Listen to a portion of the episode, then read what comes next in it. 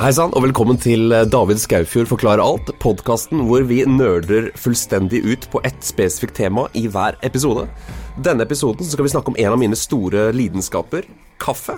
Eh, Jeg har veldig stor glede av kaffe, veldig stor interesse for det, men jeg vet strengt tatt ikke så veldig mye om det. Men det gjør eh, dagens gjest, som er barista, baristatrener og, og diverse andre titler som vi skal komme tilbake til. Velkommen skal du være, Jørgen Hansrud. Tusen takk. Du eh, jobber til vanlig i Steam kaffebar, stemmer det? Det stemmer. Kan du forklare litt om det utstyret du har med her? Ja, jeg har med en eh, V60 fra Hario. Det er bare en, en glassbrygger. Ser ut som en kaffetrakter, liksom. Ja. Eh, V60 heter den fordi det er en 60 graders vinkel. Ok. Ja. Har vinkel noe å si for eh, smaken på kaffe? Nei, men det har noe å si for navnet på bryggeren. Ja, nettopp. Så eh, det er jo et japansk eh, selskap da, som heter Hario, som produserer glass. Veldig flink til å produsere glass. Det er første gang vi tar med props i studio, og jeg merker jo med en gang at det høres ut som noen tisser. Ja, ja. Og det kommer sikkert bare til å bli verre når jeg på en måte begynner å helle med kaffe og sånn. Men forskjellen på det du holder på med nå og en vanlig hva skal jeg si, mokkamaster, er at eh, for det første så heller du ikke fra kolben. Du heller fra en, vann, en dedikert vannkjele. Ja. Eh, og den største forskjellen sånn, i smak blir liksom at du, du har et mye tykkere filter. Ja, Uh, det filtrerer jo kaffen bedre, så mye renere resultat. ja. Så du får ikke sånne små kaffepartikler i, i kaffen? Nei, og så blir smakene mer åpne, da. Jeg syns det er gøy å smake på kaffe når du kjenner Når du klarer å forstå de forskjellige smakene i kaffen. Ja. At ikke det kommer som en sånn tett lukka pakke som ikke du egentlig klarer å dele fra hverandre i det hele tatt. da Ja. Hvis det ga mening. Jeg tror det. Jeg sa i hvert fall ja, så da må det høyt mening. Altså, hva, vil, hva vil det si å åpne, åpne smaken, og hvordan kan et filter åpne? Nå kommer vi liksom inn på en sånn del av den kjemien som jeg ikke skal begi meg så mye inn på, tror jeg. Ja. Eh, for det Det som denne bryggeren gjør, som er fantastisk, som jeg ikke kan forklare deg kjemisk, mm. er at den tar alle de smakene som er gode og spesielle med en kaffe, Ja. og trekker de frem. Ja. Alt det som på en måte er kaffe Altså all kaffe smaker jo stort sett kaffe. Mm. Uh, og så er det noe aroma i tillegg. ja. Eh, Det den bryggeren gjør, er at den trekker frem alle de aromaene. Så når du lager forskjellige typer kaffe, så smaker det veldig stor forskjell. Og det er gøy, da. Ja. For da, når du da betaler ekstra for forskjellig kaffe, så kan du smake at dette var annerledes enn den jeg drakk i går. Ja. Og det er fordi den er fra et annet sted, og det er morsomt å smake forskjell. Akkurat som smaker forskjell på italiensk og fransk vin, liksom. Så Ja. jeg skjønner. Ok, det er litt forskjell. Det er morsomt, da. For at eh, det Det som jeg ser foran meg nå, er at det helles fra en metallkjele som har fått vannet sitt fra en vannkoker, opp i et eh, Hva skal jeg si Et, et eh, filter som står oppi en glasskolbe. Det ser egentlig veldig konvensjonelt ut, men dette filteret er veldig tykt. Jeg har sett at denne kaffe, den V60-en er til salgs på veldig mange kaffebarer. Mm. Det er en veldig populær og enkel Mm. måte å serve Er det sånn favorittmåten din å tilberede kaffe på? Jeg kommer liksom alltid tilbake til den. Jeg har et Ja. sånt svært skap hjemme med masse forskjellig bryggeutstyr som For vi får jo så mye prøver hver gang vi Hver gang det kommer noe nytt som skal liksom revolusjonere Ja. Men jeg kommer alltid tilbake til V60-en, da. Og det handler jo om at du sier at det er enkelt. ja. For meg så er det sånn Bra bryggeutstyr er liksom punkt én at det kan lage god kaffe, og det kan det aller meste. Eh, punkt to er at det, at det er lett å duplisere resultatet. Det vil si at hvis jeg lager god kaffe én gang, og så gjør jeg det samme en gang til, så må kaffen smake likt også. ja. Ikke sant? At resultatet blir likt, da. For det er utrolig frustrerende når du gjør det samme, men utstyret gjør at resultatet blir forskjellig. ja. Uh, og så er det at det skal være intuitivt, da. Hvis jeg bare hadde gitt deg dette og filteret, så hadde du skjønt hva du skulle gjøre. Liksom. ja. For det har du sett det før. Det er ikke liksom noe uh, Jeg syns det er litt dumt med utstyr som måtte bare gjøre det kjempekomplisert, da. Men denne i forhold til en Mokkamaster som gjør det samme, bare helt uh, mekanisk, Mm. er ikke det enda lettere å putte det på Mokkamaster? Jo, utfordringen med mokka, ak akkurat mokamasteren er jo at du, det, er, ligger mye vann igjen i den og sånn. Ligger Eh. vann igjen i røra? Ja, nedi den. Så hvis du snur den opp ned etter du har vært på hytta en tur, da, og så Ja. kommer du hjem, og så snur du den opp ned, så heller du liksom to-tre desiliter vann ut av den, som har stått bare nedi den. Oh. Og da den første gangen du lager kaffe etterpå, så er ikke det liksom tidenes, da. Men hvorfor har ikke de på en måte eliminert det fra, fra patenten sin? Er det for å unngå surkling? uh, ja, litt. Eh, Wilfa lager jo en, en uh, kaffetraktor nå som heter um, Svart presisjon. Ja. Og der har de jo på en måte gått hardt ut med at det skal liksom være den beste. Eh, og der, eh, når den er ferdig, så hører du at eh, pumpa trekker luft gjennom hele systemet. Det bråker ganske mye. Ja. Og det Det er rett og slett fordi at den tømmer for vann. da. Lyden av tømming. Ja. Men, men det, jeg tror de har gått inn for å unngå den lyden i Moka Master, eller er det bare Jeg snakket med han som hadde designa på det hos Wilfa, da. Og Ja. han sa at de sto i et sånt veivalg der et punkt. da. Ja. Skal vi akseptere at den bråker så mye på slutten, Ja, eller skal vi akseptere at det ligger vann igjen? ja nettopp. Fordi du, fordi du får klager fra kunder. Ja, den bråker innmari på slutten. ikke sant? Altså det, Men de, hvis de brander det, hadde de vært smarte i reklam, reklameringa, så ville de brande det som et um, kvalitetsstempel, da. Ja, ja. Eller Og det, det har de vel forsøkt, eh, tror jeg. Ja. Så mest de kan, da. Men den er, den er Er ikke den med vannkoker istedenfor kolbe? Jo, det er den manuelle. Og så Ja. har de kommet med en presisjon som er helautomatisk. Nettopp. Uh, den, så når man har en Mokkamaster som man, og man kommer hjem fra hytta etter to uker, så bør man rett og slett kjøre en kopp med vann gjennom den, bare for å Ja. Ja. Bare helle oppi noe vann og bare kjøre gjennom en liter, eller Så Ja. får du liksom tømt, så det er rent vann nedi. Den du heller fra nå, du, du helte jo fra vannkoker og ikke rett opp i filteret, men du helte fra vannkokeren og opp i en metallkjele med ganske tynn tut. Mm. Hva, hva skjer der? Nå, nå er det bare fordi den er så utrolig enkel å helle av. Ja.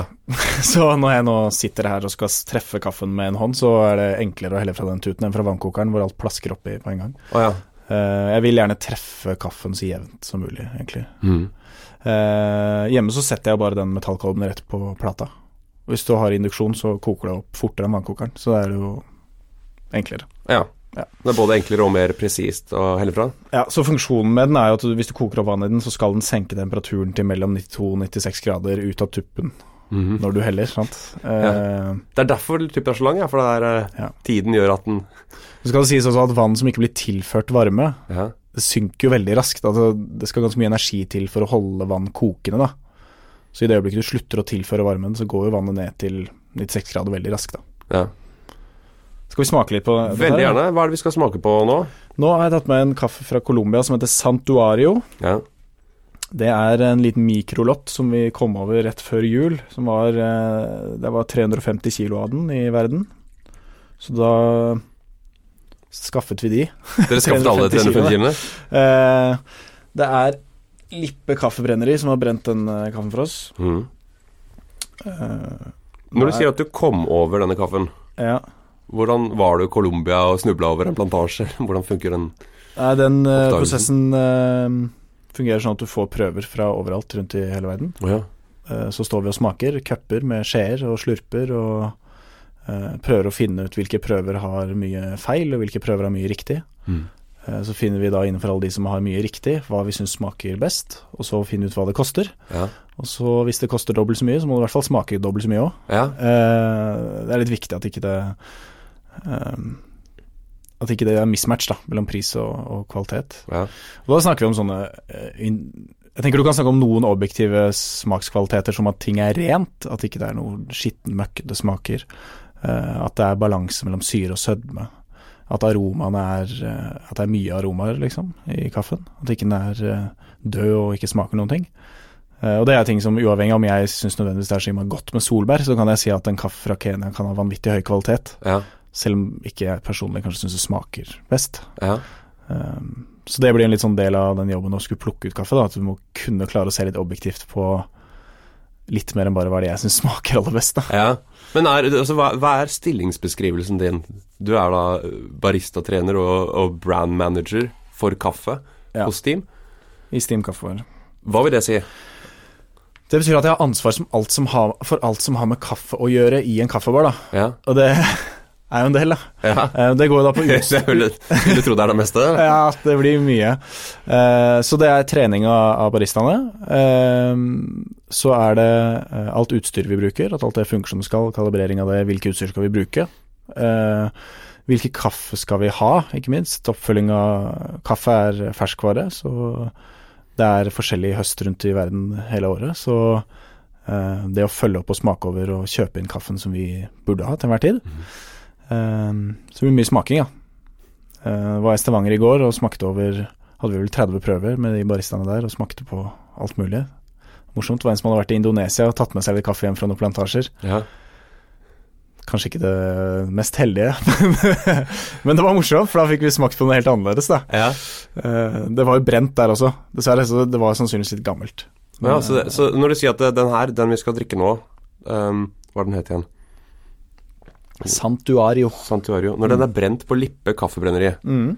da vil si at dere har importert ferske bønner fra Colombia, altså brent i Norge. Mm. Er det en um, øh, Svekker det kvaliteten på kaffen at man ikke brenner den og spiser den i hjemlandet, eller, eller holder den seg? Eh, Det er heller omvendt at, at eh, brennerier i Norge, og spesielt noen brennerier rundt Oslo, Mm. eh, er i verdensklasse, rett og slett.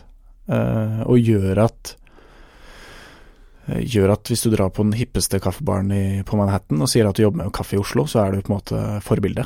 Oi. Eh, det er ganske morsomt, da. Ja.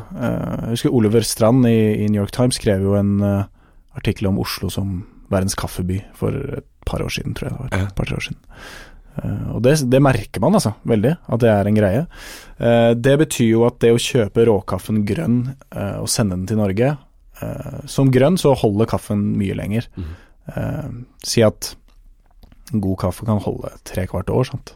Noen kaffe holder bare noen måneder, kommer helt an på hvordan bønnen er. Men Uh, det vil si at kaffen svekkes vanvittig lite da, av den prosessen, så lenge det blir sendt ordentlig og pakka ordentlig og sånn. Uh, og så kan du ha brennerier i, i Norge som brenner det uh, akkurat sånn som det burde vært brent, da, som råvare. For det er jo noe av det som gjør de brenneriene spesielle, at istedenfor å si at vi har en brenningsprofil som heter trakterkaffe, eh, Ja. og sånn brenner vi all kaffen. Ja. Eh, så har man eh, spesialisert seg på å finne ut okay, hvilke smaker er spesielle i denne kaffen, og hvordan må vi brenne kaffen for å få frem de kvalitetene. Da. Og det du jobber med da, er jo nettopp det å få frem det som bonden jobber med å få frem på gården sin. Ikke sant? ja. Og det er noe av det spennende, da. Der tenker jeg det er den, den største forskjellen, sånn jeg ser det, på, på en måte Ola Nordmanns oppfatning av hva kaffe er, og hva en, en profesjonell eh, oppfatter kaffe som, er at eh, ofte så møter jeg en sånn eh, Jeg oppfatter det litt sånn at kaffe er en sånn eh, evigvarende pulver som står på benken, ja. eh, og som ikke er dynamisk, da. Det er statisk. Eh, når vi jobber med kaffe, så jobber vi med kaffe som en ferskvare som er dynamisk, altså en råvare som endrer seg, da. Ehm, det betyr at eh, vi må eh, hele tiden kalibrere utstyr, vi må hele tiden endre på hvordan vi brygger, vi må hele tiden for å tilpasse oss kaffen, da. Og det, det liksom destruktive i hele greia er jo at vi kan jo aldri gjøre kaffen bedre enn det den var når den var på gården. Men vi kan jo herpe det, da. ja. Sant? kan bare fucke opp. Vi kan bare fucke det opp. Ja. Eller vi kan prøve å holde det like bra, og prøve Ja. å få frem alt det som var der i utgangspunktet, da.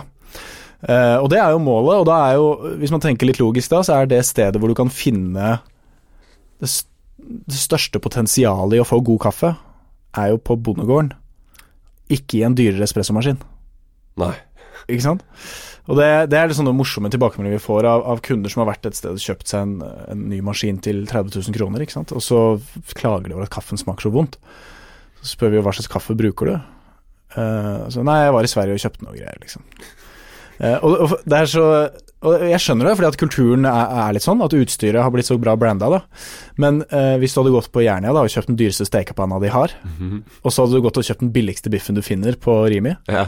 og så hadde du dratt tilbake til Jernia og klaga over at biffen ikke var god, så hadde de sett litt rart på det. og det blir liksom den samme greia, da, at, at eh, hvis jeg skulle valgt mellom en, en kjele med vann og gode bønner, eh, eller en fancy espressomaskin og dårlige bønner, ja. Så hadde jeg jo valgt kjelen hver gang. For det er da du kan lage god kaffe. Du kan ikke få bønnene bedre enn det de var i utgangspunktet. Da. Eh, Så den tanken om at det er råvaren som teller, da. Eh, Og hvis du skal Hvis du går på kaffebar eh, og ser de har fancy utstyr, så handler det stort sett om én ting. Burde i hvert fall handle stort sett om én ting. Og det er at jo bedre utstyr de har, jo enklere blir det å lage god kaffe mange ganger om dagen, hele tiden ja. til mange kunder. da. Det handler ikke om at en maskin kan lage så mye bedre kaffe enn det du kan lage hjemme, Eh, men den kan gjøre det 500 000 ganger om dagen Ja. uten problem, da. Og det er litt stor forskjell. da. Ja, Det er en sånn corporate måte å, å forholde seg til kaffe, og for så vidt kunst. Hvis jeg har vært inne på en sånn skikkelig eh, barcode-bygg eh, nede i Skyline, så har de jo sånn kunst som koster mye, men ikke ser nødvendigvis veldig bra ut, og kaffemaskinen står i stil til dette. da. Hva syns du om de kaffemaskinene til 30 000? Som en regel, bruker dere de selv, eller bruker dere denne V60-en? Eh, nå bruker vi V60 til all svart kaffe, Ja. eh, og brygger på det, og den koster jo Du kan kjøpe et fullt sett for 179 kroner. ja. Eh, og så bruker vi heller bra råvarer, da. Når det kommer til espresso, så er espresso en helt annen eh, greie, fordi at espresso dreier seg om å brygge kaffe med trykk. Og istedenfor at det er tyngdekraften som driver prosessen, så er det jo vann som presses gjennom kaffen. Og med en gang du gjør det, så, så endrer du reglene litt. Da blir alle småting som ikke er så viktige i en kaffetrakter, plutselig veldig viktige. Hvis du har Hvis du står med en måleskje, da, og måler opp en ekstra skje til en liter kaffe, så er det ingen som smaker så veldig mye forskjell. Hvis du slenger opp et gram ekstra kaffe i et filter til en espresso, så er verden snudd på hodet, liksom. Ja. Uh, så på espresso så bruker vi maskiner som er adskillig mye dyrere enn det. Mm. Uh, og det dreier seg om nøyaktighet, da. Hvor mye koster en sånn eh, skikkelig, skikkelig espressomaskin? Eh, Mellom 100 og 120 000 kroner, tenker jeg. Ja. Og det, det trykket Kan man få det i de der klassiske italienske kannene som alle har de der eh, Som setter på ovnen. Ja. Noen mokkakanner. Ja.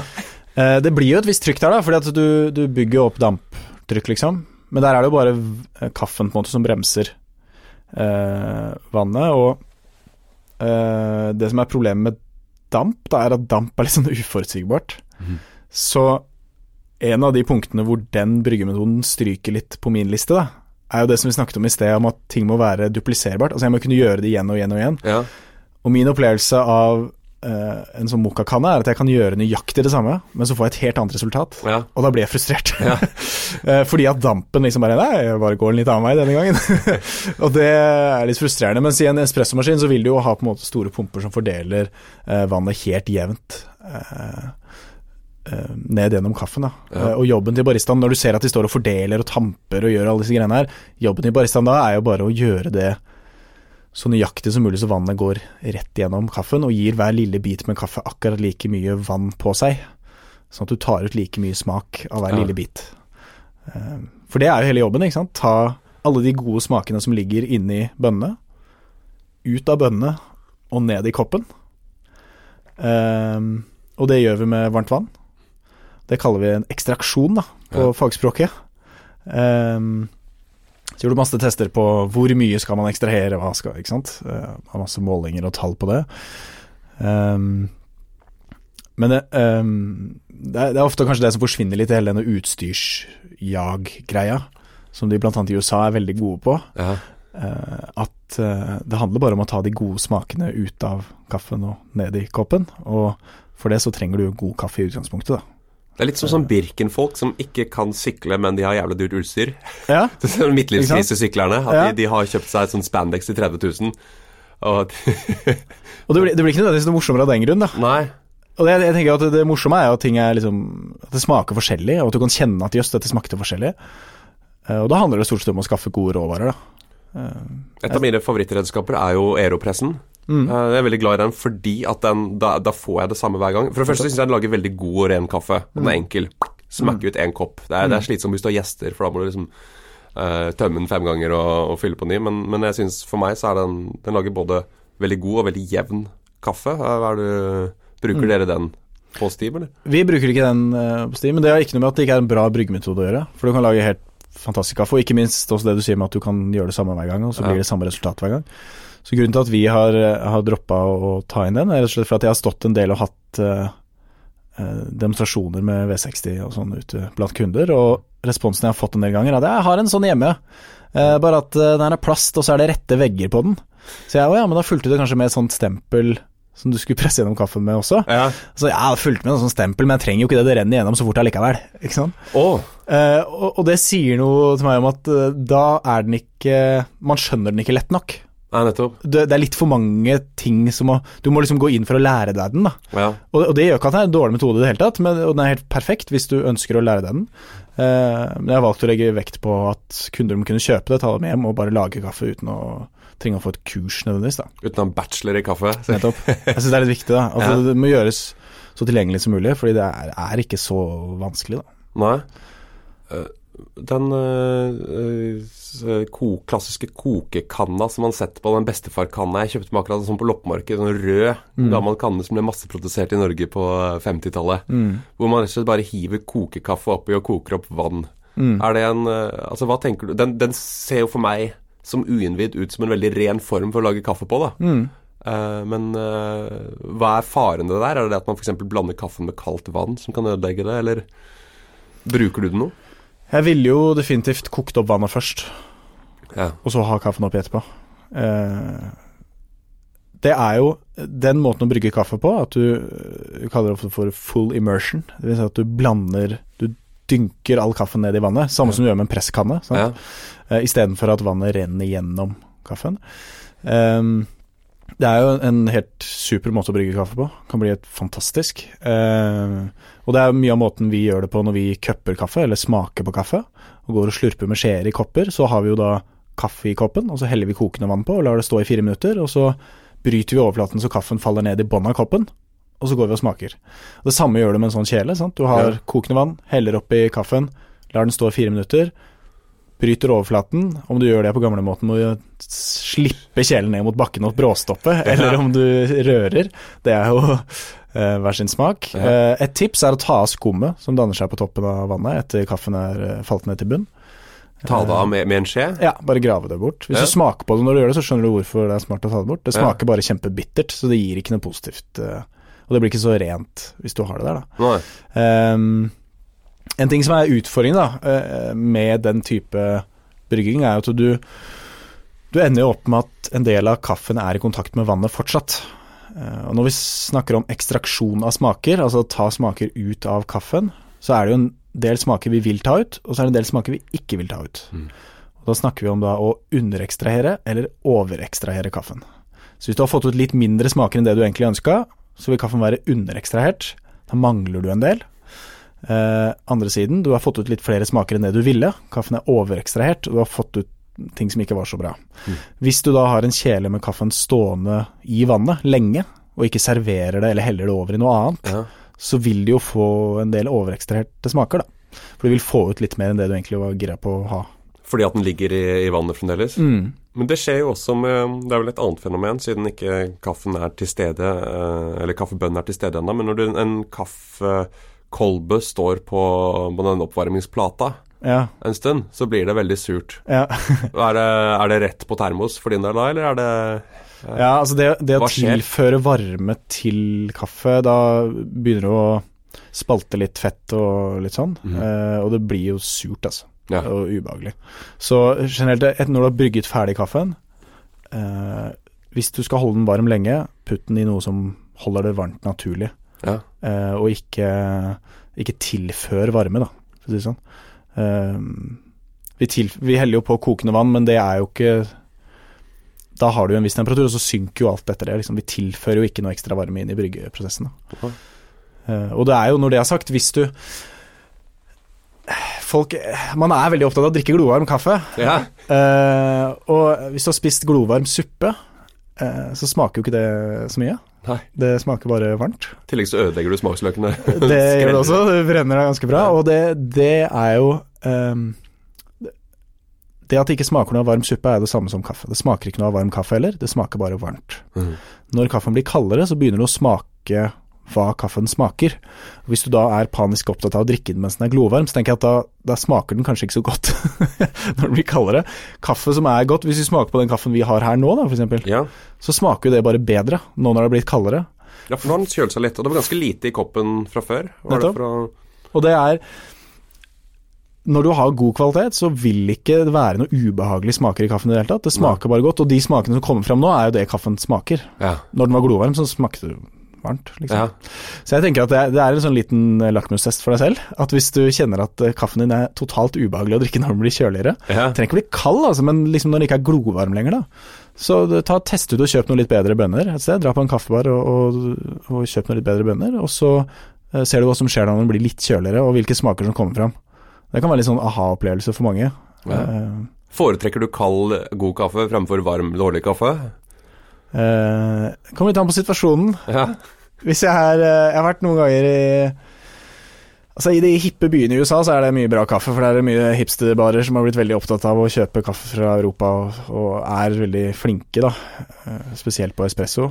Um, Men hvis du drar i de litt mindre byene, så er det mye forferdelige greier, altså. Ja. Og jeg er dessverre avhengig av koffein. Så da om morgenen så blir det kaffe uansett, altså. Men uh, det er klart at jeg, jeg vil heller uh, drikke en kaffe jeg har stående i bilen fra i går, ja. i en kopp, enn å gå innom uh, en kiosk på veien og få noe ut av en maskin som er glovarmt. Ja, du vil ja? Om morgenen, ja, definitivt. Du tar, du tar gårsdagens uh, Heller steamkaffe heller enn 7-Eleven-kaffen? Eh, Heller det. Ja. Uh, Men det handler jo om at da det smaker jo Har jeg tatt med meg riktig kaffe da, så smaker det iste. Og iste Ja. er jo godt, så det er jo Ja. kjempefint. Uh, fremfor å brenne av meg tunga, da. Smaker dere Altså når dere cupper kaffe, som du snakka om i sted, Mm. da, da heller du inn Altså da forstår jeg det riktig som at dere kverner opp kaffe og heller det, eller har dere rett og slett varmt vann oppå bønnene for å trekke ut noe derfra? Nei, nei. Det er eh, Vi kverner opp kaffen, Ja. koker med alt omtrent, Ja. og så heller vi oppå, og så lar det stå i fire minutter. ja. Så da får du jo Da drar vi ut smaker av kaffen, ja. Hvor lenge venter du før du smaker på den? Da smaker du på den i forskjellige stadier av varmt-kaldt for å få Absolutt. Så målet med en, en cupping er jo En ting er å prøve å finne feil, for det er veldig mye av prøvene vi får, uansett hvor mye de sier at det er kvalitetskaffe, de som sender det, er det veldig mye feil på. Eh, Og cupping er jo da laget sånn at du skal kunne finne de feilene. Ja. At du smaker at her er det noe som ikke er riktig, da. Eh, Og hvis tre av fem kopper er noe feil fra den posen med kaffe, så er det sannsynligvis ikke noe vits å kjøpe to tonn. Eh, Det kommer til å være mye feil. Eh, Så eh, hele prosessen er på en måte designa for at du skal finne smakene, da. Eh, Og når du da starter, så lukter vi på det først når det er tørt. Når vi har kverna på bønnene, går vi og lukter over, så heller vi på vann, så lukter vi igjen mens kaffen er våt. Så smaker vi fra det er så varmt som vi tør å drikke det uten å brenne oss, Ja. til det er kaldt. Og til sammen da så har du et ganske komplett inntrykk av hva kaffen har å by på. Både da hvordan skal vi brenne denne for å få frem de smakene, men også hvordan skal vi brygge denne for å få frem smakene. Så bryggemålene vi setter oss da ute i baren når vi skal håndbrygge til kundene, er jo da ut fra hvilke smaker vi finner på cupping. Ja. Eh, For å prøve å fremheve kvaliteten i hver kaffe, da. Så du tar oss gjennom denne kaffen vi, vi drikker nå, Mm. eh, fra du cuppa den første gang Mm. til dere bestilte alt som Ja. fantes. Hva er det som gjorde at du, du ville gå for denne her? Det som er fantastisk med den kaffen, er altså det er en kaffe fra Colombia, og eh, colombiansk kaffe er eh, står i særklasse i Sør-Amerika fordi det ofte er både fyldig og søtt. Liksom stor body, m- fyller munnen godt, eh, men også har en del fruktighet i seg. De fleste har enten eller. Ja. Eh, det aller meste. Eh, denne kaffen er ekstrem på akkurat det. At det er Vi har cuppet den på, på bord sammen med kaffe fra rundt om i hele verden. Og uansett hva slags kontekst den kommer i, så står den bra frem, da. Eh, og det er jo ganske unikt. Så det at den har eh, At den er så ren, er så fyldig, så mye sødme, men samtidig har såpass frisk syre, så mye liksom fruktig preg, da. Det gjør at det er en sånn kombikaffe som er sjeldent å finne. Eh, så da måtte vi bare kaste oss over det, Ja. og det som var. Nå er det dessverre snart tomt. Hvor mange kilo har du igjen av den? Jeg tror ikke det er mer enn eh, 50 kilo igjen, kanskje. Og er det sånn at Hvis folk har fått en skikkelig god kaffe, så kommer de og spør etter den igjen, og så er det umulig å tilby samme produkt senere? Vi prøver jo alltid å ha, ha noe inne av, av hver type, generell type, liksom. da At du Ja. har noe som er veldig fruktig, noe som er veldig fyldig, noe som eh, har litt sånn nøtter og sjokolade, noe som har eh, mye frukt. Um, men det er klart at når vi jobber med det sånn som vi gjør, med, som en ferskvare, så akkurat nå så Jeg kan godt ville ha en kenyansk kaffe akkurat nå, Mm. men det er ikke noe fersk kaffe fra Kenya akkurat nå. Det er ingen fersk kaffe fra Kenya? Eh, ikke akkurat nå, Nei? fordi de er Altså Jeg kan ikke ringe dem og si 'kan dere høste litt kaffe', eller? For det går på en måte på sesong. Eh, så akkurat nå er det mange andre steder i verden det er eh, mye god kaffe fra. Ja. Eh, og så vil det jo selvfølgelig være forskjellig. Det er klart Du kan finne kenyansk kaffe rundt nå som fortsatt er bra, men da er den fra fjorårets innhøsting, Ja. og holder seg godt. Eller den holder seg dårlig, og de selger den for det. ja. Det kommer jo an på. Så det er jo noe man hele tiden må ta et valg på når man kjøper inn kaffen også. Hvor lenge tror vi denne kaffen holder seg bra? Mm. Uh, hvor mye tør vi å kjøpe, så ikke vi blir stående med masse kaffe som begynner å smake planker og, og treverk. Uh, Da er hiver dere den? Da hiver vi den. Mm. Det gjør kanskje ikke de store kaffeprodusentene som tilbyr de her Rimi-kaffene på samme måte. Altså Hva er forskjellen på den colombianske plantasjen her og en plantasje som, eh, som selger til de posekaffene du får i butikken. Mm. Det man må huske på, er at kaffe er en ekstremt stor eksportvare. Er vanvittig kvanta, liksom. Eh, Det betyr at du har to ganske atskilte markeder i to helt forskjellige verdener. Mm. Du har et kommersielt marked som er der for å dekke et behov for kilo. Eh, Og så har du et spesialmarked som er der for å dekke et behov for smak. Og de to tingene blir Altså, det spesialmarkedet er en nisje som, som alle kan ikke gjøre det sånn. Fordi det krever for mye ressurser, sant. Ehm, så eh, forskjellen blir jo forskjellen på masseproduksjon og spesialproduksjon. Forskjellen på en, en traktor som, som kjører rundt og høster inn alle bær, eh, og eh, en bonde som går og plukker bare de modne bærene på treet som er modne nå til frokost, og så går han over en gang til til lunsj, for da er det noen andre bær som er modne. De modnes flere ganger i løpet av dagen. Kaffebær blir modne forskjellige tider på et tre, Ja. eh, så det er klart du, du er avhengig av å betale litt ekstra for kiloen hvis han skal gidde å plukke over Ja, ja. noen ganger. da. Ja, makes sense. Jeg jobba med å plukke jordbær da jeg var tenåring. Og da når du skulle fylle kvota, så plukka du dårlige jordbær og la de underst. Nettopp. Ikke sant? Og, det, fordi, og skal du da gidde å gjøre det lille ekstra, da, og det går jo i hvert eneste ledd, ikke sant. Og hvis man ser på da all jobben som legges ned i kaffen du får på liksom spesialkaffebarer i Oslo, så, så er det en underbetalt kaffe, råvare, altså. Ja. eh, I forhold til hvor mye jobb som går ned i det. Uh, og vi er jo heldige som har råd til å kjøpe noe av det beste i verden også, i Norge. Uh, mye av tanken på at en kaffe til 129 kroner er dyrt, er jo mer vane enn det er hva vi har råd til. Mm. Eh, fordi vi har jo råd til det. det er bare at vi er vant til at kaffe skal koste 20, så da, Ja. da føles det dyrt, da. Um, så det at vi kan kjøpe så gode råvarer egentlig, og ha det alltid, det er ganske unikt, altså. Det er ganske kult. Når du cuppa denne colombianske kaffen her, eh, Mm. så da hadde den vært gjennom Lippe kaffebrenneri? Som regel så Vi er jo eh, Steam er en ganske stor kunde av Lippe, så vi, vi er heldige å få lov til å være med i liksom hele prosessen. eh, Ja. Fordi at vi kan bestille nok kilo til at de kan kjøpe en kaffe bare til oss, da. Det betyr at noen ganger så har de på en måte valgt ut en del kaffe og sier at dette skal vi kjøpe inn uansett. Eh, kom og smak på det og se hva du vil kjøpe. Andre ganger så sier de nå har vi fått inn masse prøver fra en eller annen leverandør et eller annet sted. Eh, og eh, smak på det og se hva du eventuelt vil ha. Så kan jeg også si at dette vil vi ha til Steam. Ja. Vi vil ha så mange kilo. Mhm. Um, så, det, så det er jo så, Sånn som denne kaffen, eksempel, var jo noe jeg smakte på det samme de første gangene de smakte det. Eh, og hadde jeg ikke vært der da, så hadde nok de bare kjøpt seg seg, tror jeg. Eh, de var nesten litt sånn angrende etter at jeg fikk lov å kjøpe alt. Ja. de sto liksom og luska Hva søren, ass. Vi har fordi det var en bra kaffe. Så det er sånn get high on your own supply. Det er litt, Kanskje ja, det er litt sånn, for det, det, det er klart at det eh, Når man jobber så nisjete som det vi gjør, så er det, det er mye som faller igjennom, da. Og da de gangene man kommer over det som er fantastisk, både på, på pris og på smak, så må man bare hoppe over det, da. Ja. Men, eh, men eh, ja, her står det anbefalinger på bruksområder. Aeropress, filterkaffe, dryppstasjon, presskanne. Best etter åtte dager, inkludert to dager lufting. Brent av. Erik Kaisen. Altså Her står det navnet på eh, brenneren også. Ja, ja, ja. Her kan du følge det helt ned til eh, bonden. Han Erik Kaisen er faktisk også regjerende mester i cuptasting i Norge. Oh. Han er ikke så Han blir litt flaut når man sier det, så jeg tenkte det var greit å få det med. er, det, er det sånn Sånn som alle nisjer, så blir man jo ekstremt nerd innenfor eh, det her. ja. Hvor nerd blir du på kaffe? Hvor mye er du lærer om kaffe? Er du utlært? Jeg tror det er sånn eh, innenfor det aller meste. Jeg gikk musikklinje på videregående. Ja. Da var vi skikkelig cocky, og alle som hørte på popmusikk var duster, og Ja. vi skulle bare høre på crazy jazz. Og så begynte jeg på universitetet og gikk musikk der. Eh, da skjønte vi at eh, det meste er bra. Og så skjønte vi at vi kan egentlig ingenting. Og sånn tror jeg det er innenfor alt. Altså, gang, nå når jeg har begynt å lære Nå har det blitt åtte år med kaffe snart, og man, man kan jo vanvittig mye etter hvert, men jo mer jeg lærer, jo mindre føler jeg nesten at jeg kan. Og jo mer Jo mindre svart-hvitt blir det.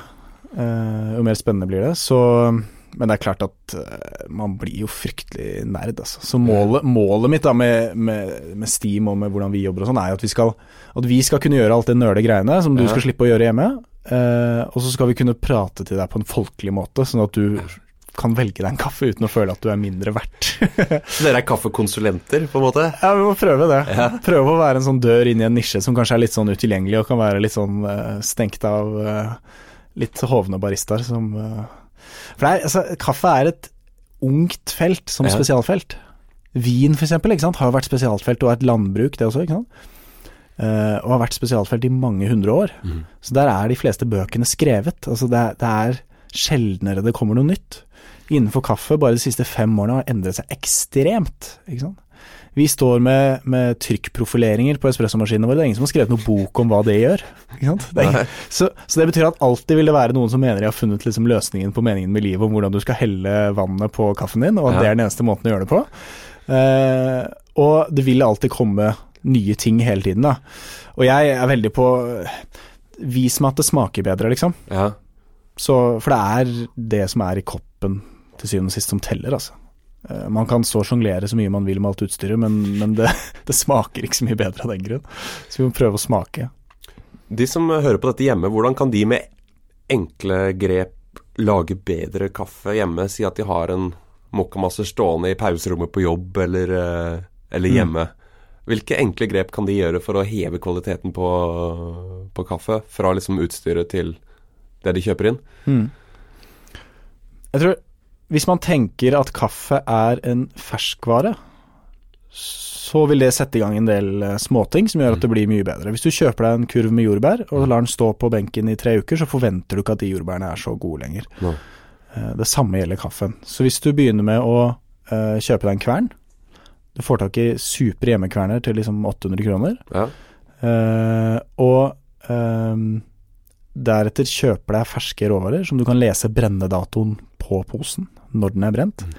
Eh, kaffe, som alle andre ting, oksiderer. Altså oksygen er superetsende.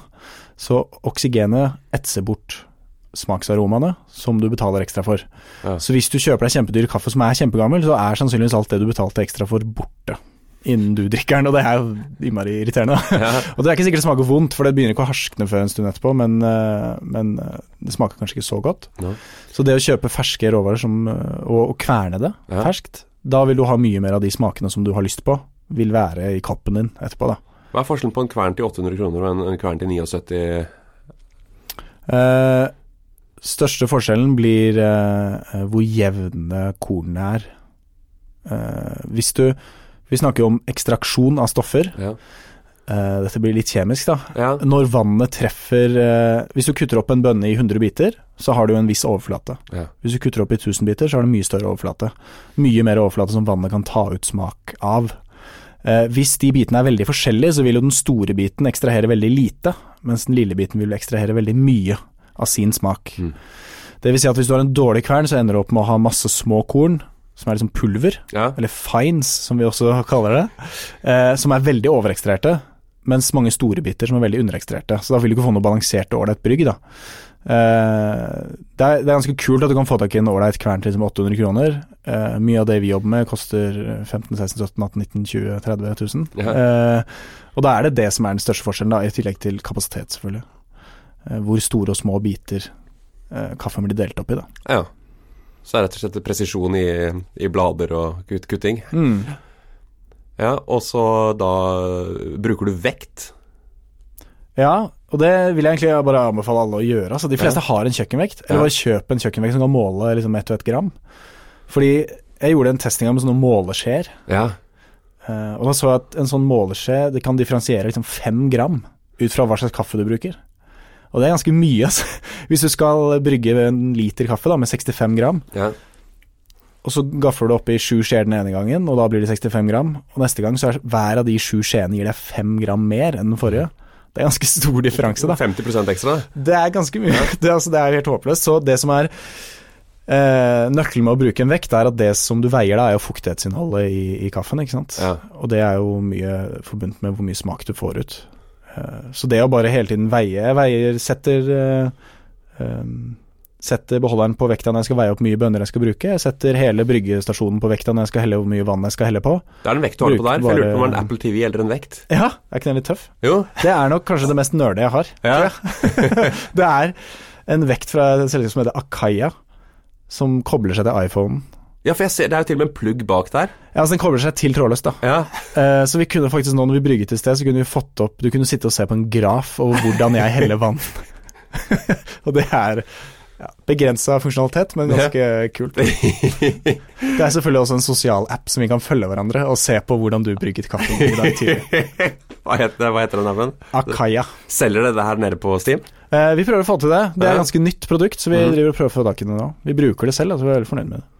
Tilbake til den hjemmebryggeren som sitter da på kontoret eller, eh, eller hjemme og har en eller annen sur mokkamaster som har lyst på å pimpe. Hva kan man gjøre med, med kaffetrakteren for Mm. å hindre at ting uh, fuckes opp mellom bonden og forbruker?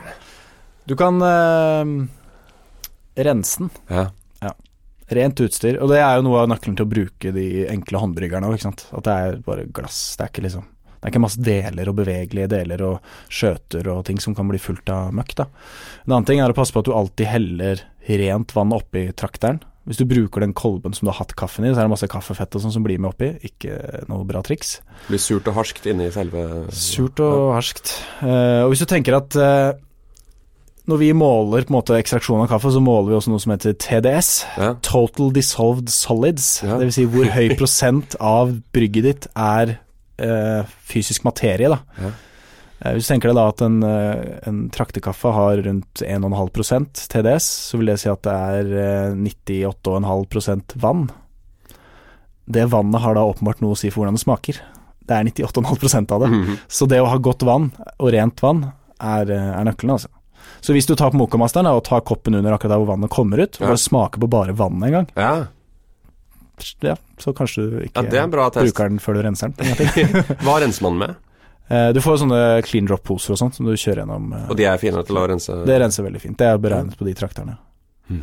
Men det er klart at du betaler jo alltid altså Den conveniencen du gjør ved å, at den skal stå og brygge for deg, betaler du jo for at det blir mer å holde rent. Da. Ja.